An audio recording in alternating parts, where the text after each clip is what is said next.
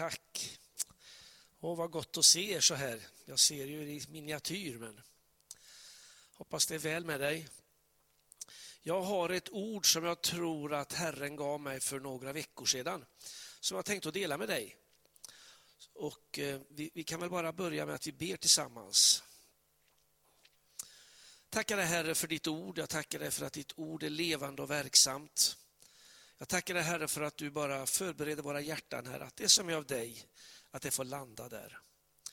Det som är av dig, att det också får slå rot, Herre. Och att det får växa till och bära frukt för ditt rike. Tackar dig för var och en av oss nu som är samlade till gudstjänst, Herre. Tackar dig för att du känner och ser vår situation. Tackar dig för att du vill möta oss där vi befinner oss just nu. Du vill också utmana oss att ta steg vidare, Herre. Så vi avskiljer den här stunden nu inför dig. I Jesu namn. Amen.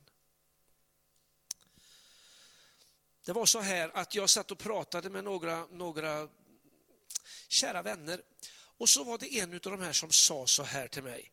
Ja, det är ju märkligt nu när vi lever i den här parentesen utav corona. Och då tänkte det, så tog, jag, jag sa ingenting då, men, men efter ett, när jag gick därifrån så tänkte jag, parentes. Lever vi i en parentes? Nej, jag tror inte det. Och då började den här predikan att formas i min tanke. Och eh, rubriken har satt att det finns inga parenteser i Guds rike. För dig och mig som kristen så, så, så behöver inte vi leva i några parenteser utan vi får, vi får i varje situation får vi förtrösta på att Herren har kontroll över läget och att Herren vill använda den tid som just nu är. Och den situation som just nu är, det kan vara coronatider, det kan vara sjukdom, det kan vara andra saker som, det kan vara när vi har jätteroligt, det kan vara när det är tuffare. Men oavsett hur det ser ut så tror jag att Gud vill lägga ner en förtröstan och en tro på honom. Att han vill att den här tiden är viktig. Hoppas du kan, hoppas du kan ta till dig det. För i vår mänskliga natur så ligger det ju någonstans lätt där att, att när coronan har gått över, då ska jag, eller när det blir fredag, då kommer helgen och då ska jag. Eller när det blir vecka vad vet jag, kommer jag inte ihåg, 29, då har jag semester och då ska jag. Och, och det här att, eh, eller när jag blir pensionär, ja då ska jag minsann göra, och så här. Det ligger hos oss lätt att vi, vi tänker liksom att det finns transportsträckor i livet och sen kommer det här. Men jag tror att eh, de här transportsträckorna, det är ingenting av Gud. Utan Gud har gett oss ett liv att leva, ett liv att förvalta och, och det livet får vi leva i förtröstan och tro på honom och eh, tjäna honom. Hoppas du, du, du kan se det här. Det betyder inte att det kan inte vara perioder som är jobbiga. Och det finns liksom, livet är ju inte liksom som en slät linje så här. Va? Ibland så känns det lite, oh, jaha, och så blir det hopp, och så, så här, va? Det är liksom livet. Men, men det betyder inte att den här, det är aldrig det är aldrig liksom tomgång, det är aldrig en parentes. Som, som, utan, att, jag tror, utan varje tid är tid som är given av Gud. Det betyder inte att jag tror Gud har sänder corona till exempel, det är inte det. Men, men nu när coronan har, har, det här viruset har drabbat oss, ja då är det en tid som Gud vill använda. Det finns ju ett sånt där uttryck som man kan läsa som inte kommer ifrån Bibeln men som man kan läsa ibland på tavlor och så här att det står carpe diem. Fånga dagen. Och det, det, det formulerades ju faktiskt före Jesus hade kommit till jorden. Det, det, var, det var, han hette Horatius, det var någon sån här romersk poet som jag inte vet något mer om. Men, men att han, han, eh, han uttryckte så här, va? att fånga dagen. Och det finns ju någonting, man kan ju faktiskt ta det som en kristen också, att ta vara på varje dag som en gåva ifrån Herren. Så kan man göra. Och eh, då, då tänkte jag så här utifrån detta här då, att inte det finns parenteser, så tänkte jag vad, vad, vad, är, vad gör vi av dagen då? Vad gör vi av dagen? Jo, då tror jag att till exempel coronatiden, att det kan vara en tid där vi, vi får tillfälle att fundera och reflektera över lite grann, vad är det som är viktigt i livet? Vad är det som är viktigt? Ja, vi inser ju att saker och ting kanske skalas av. Och vissa saker som skalas av är jobbiga. Och då kanske vi tvingas eller blir, ta, att ta och, och fundera lite över vad är det som är viktigt? Vad är det som har prioritet i mitt liv? Och, och, och så, och så kan det bli en tid av reflektion. Och, och, det är ingen parentes, utan det är en tid av byggande. En tid av kanske korrigering. Och, Det tror jag, det kanske du redan har gjort, men annars tror jag att ta med dig det. Att eh, stanna upp lite grann och reflektera över vad är det som är verkligen viktigt i ditt liv? Vad är det som, vad, vad är det du lägger ditt krut på, ditt engagemang, dina pengar, ja, hela ditt liv helt enkelt. Va? Och för mig som en kristen så är det ju att jag, jag vill tjäna Herren med mitt liv. Och det, och det, det liksom är någonting också som kan vara bra ibland att stanna till. Jag har haft som rutin under många år, väldigt många år tillbaka i tiden, att, att jag har jobbat mycket i skolans värld och där tänker man ju terminer. Och eh, då har jag gjort så att när vårterminen har varit över, då har jag tagit min, min analoga filofax och bläddrat igenom den och tittat lite grann och gjort lite grann ett bokslut över, över det året som ligger bakom. Då är det inte bara arbetet utan det är överhuvudtaget där jag reflekterat över hur har jag använt min tid? Har jag prioriterat det som har varit viktigt? Och så ibland har jag gjort vissa korrigeringar. Att det, jag får försöka tänka på det här och, och, och lite grann så. Och det, och det, tror jag kan vara nyttigt att göra. Och eh, Samtidigt så tror jag att den här tiden vi lever i så vill Herren påminna oss om också att vi är utsända som bärare av Guds evangelium i kraft av den heliga Ande. Idag firar vi pingstdagen. Den heliga Ande blev utgjuten över församlingen. Och vi vet att det är bara i kraft av den heliga Ande som vi kan tjäna Herren. Annars blir det bara skrammel. Men i kraft av den heliga Ande, då blir det liv. Och, och det, det, tror jag Gud vill påminna oss om idag. Och jag tänkte på Apostlagärningarna 1 och 8, där står det så här att när den heliga Ande kommer över er, då ska ni få kraft att bli mina vittnen i Jerusalem, i hela Judeen, Samarien och ända till jordens yttersta gräns. Så att eh, ta emot den heliga Ande och påminna er om detta här. Bejaka dig, bejaka den heliga Ande i ditt liv. För, för han, vill, han vill använda dig som en bärare och som ett vittnesbörd om Guds evangelium till människor som än inte har fått möta honom. Och det finns ingen parentes i det livet, utan det finns bara ett liv att leva. Det finns en början, vi föddes och vi kommer en dag att få flytta hem till Herren. Och under den livsresan så är det olika faser, men det är inga parenteser, utan det är ett, ett liv där vi får leva i tjänst för honom, där vi är skapade för det. Och där tror jag den djupaste tillfredsställelsen finns och meningen med livet. Kan det vara så? Hoppas du, hoppas du kan, kan instämma i det här. Och eh, Jag tänkte på några saker då, va, som när vi, när vi ser eh, när vi ser hur Jesus säger, han, han, detta är att leva i den helige Andes kraft. Att leva ut det här livet. Vad kan det innebära? Och då, då tänk, kom jag att tänka på två saker. Och det, det, ena var ifrån Johannes 7 där vi kan läsa så här att då säger Jesus så här att om någon är törstig, vad ska man göra då? Köp dig en ny. Nej, då säger han kom till mig och drick. Om du är törstig, kom till Jesus och drick. Hur gör jag då då? Ska jag, du vet ju, det, finns, det finns ju andra som har funderat hur det ska gå till. Det var inte just att dricka kanske, men det, vi kan läsa om hur det var, det, att det var svårt. Hur ska, ska jag komma in i min moders liv för att födas på nytt igen? Eller hur? Men hur, hur gör jag för att dricka utav Jesus? Jo, jag, beja, jag tar emot honom i mitt liv som min frälsare. Jag lever i relationen till honom.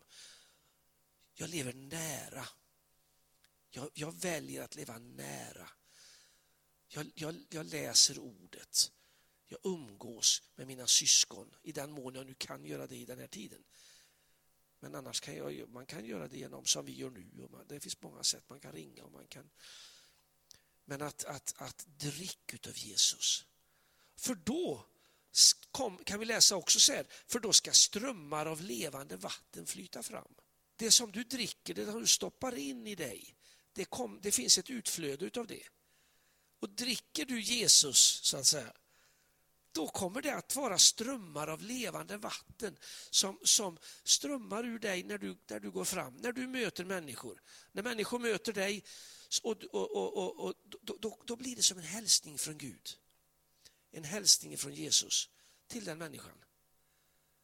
Och Det kan ibland vara bara, ett, bara att du lever livet. Ibland kan det vara ord. Det, det, det kan vara olika. Där tror jag den heliga Ande leder dig och mig. Men, men, men vi, för att det ska kunna komma strömmar av levande vatten som ska flyta fram genom dig och mig, ja då måste vi först dricka utav Jesus. Det var en sån här bild som jag tänkte på. Och sen tänkte jag på en, en annan, det var egentligen jag tänkte utifrån bergspredikan, men först så kan vi vara Johannes evangeliet här bara. Och där, där säger Jesus i Johannes 8 att jag är världens ljus. Den som följer mig ska inte vandra i mörkret utan ha livets ljus. Vem vill inte leva i ljuset? Det är väl få som säger att jag vill leva i ett mörker. Jag vill leva i hopplöshet. Jag vill leva i elände. Det, det, det är väldigt få människor som säger så. Men, men däremot så är det väldigt många som vill leva i, jag vill leva ett meningsfullt liv. Jag vill leva ett liv där, jag, där, där, där det är ett ljust liv. Och, och det, där, det där säger Jesus att jag är världens ljus. Och, det var ju ganska, och, och, och på samma sätt, när du och jag bejakar det ljuset, när du och jag tar emot Jesus i våra liv, när du och jag bejakar det som Gud har tänkt för dig och mig, att leva i gemenskap med honom. Att säga, när Jesus frågar, älskar du mig? Då svarar du, du vet att jag älskar dig. Det handlar inte om att du gör saker för det har Jesus gjort. Försonat dig har han gjort på korset. Men däremot så frågar han, älskar du mig? Ja, jag älskar dig. Älskar du verkligen mig? Alltså, inte den tonen tror han hade. Ja, ja, du vet att jag älskar dig. Är det verkligen sant att du älskar mig? Ja, men Jesus, du vet ju att jag älskar dig. Och du vet när det där där den relationen får uppstå, då händer det någonting i din relation till Jesus. Och då säger han så här att jag är världens ljus. Och sen läser vi i, i, i bergspredikan Matteus 5. Ni är världens ljus. Att du och jag får vara ett ljus där vi går fram. Vi får vara ett ljus som påminner om att det är inte hopplöst. Det finns en, det finns en väg. Det finns ett hopp som heter Jesus. Där du och jag får vara så fyllda av ljuset så att vi, när människor möter oss så, så undrar men vad är det med henne? Eller vad är det med honom? Det är någonting. När vi möts så pratar vi inte negativt, destruktivt. Där vi, talar, vi talar för att bygga upp. Då kan du och jag förändra stämningen i ett rum. Vi pratar inte om människor, vi pratar med människor. Om alla andra och ställer oss själva i centrum som världens ljus. Utan istället så sätter vi Jesus som världens ljus och erkänner vårt beroende av det där vi finns, där vi går fram, där vi möter människor. Vi kan läsa i, i Matteus 5 också i, i bergspredikan att låt på samma sätt ert ljus lysa för människorna så att de ser era goda gärningar och prisar far.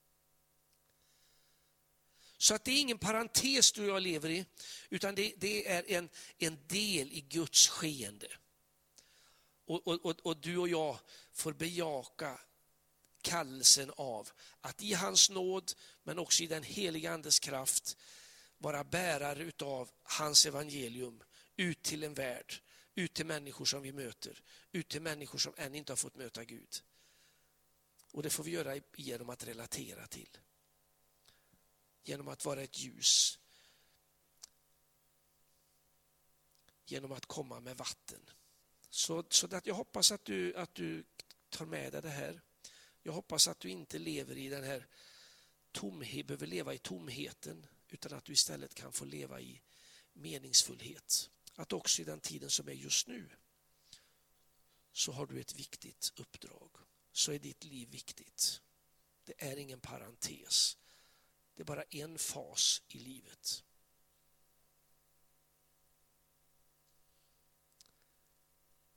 Ska vi be tillsammans? Tackar dig Herre för att du har kallat oss vid namn. Jag tackar dig för att du ser vad vi brottas med och du ser, tycker det är lätt Herre. Tackar dig för att du vill komma till var och en av oss nu med din heliga Andes ljus. Du vill komma till oss var och en med ditt livgivande vatten. Och jag tackar dig Herre för att eh, vi inte behöver gå i egen kraft Herre. Utan att vi får erkänna vårt beroende av dig. Vi får ta emot din heliga Ande som vår hjälpare. Och vi får tjäna dig i kraft av din heliga Ande. Så jag ber för var och en av oss som är samlade till gudstjänst nu. Jag tackar dig för att du bara kommer heligande. Ande med din kraft över var och en, Herre. Du ser om någon känner missmod, Herre, så tackar jag dig för att du bara vill komma och ingjuta mod, Herre. Om det är någon som känner att det är hopplöst, så tackar jag dig, Herre, för att du är mäktig att vända på det och istället bara komma med ditt hopp, Herre, och med ditt ljus och ditt liv. Om det är någon som känner meningslöshet just nu så kommer du med mening, Herre. Så bara du pekar på och påminner om det livsviktiga uppdrag som du har kallat oss till att leva. Så jag ber om din välsignelse var och en. Ber också om din heliga Andes närvaro i var och ens liv, Herre. I hemmen, Herre. På arbetsplatser, ja, där vi är. I Jesu Kristi namn. Amen.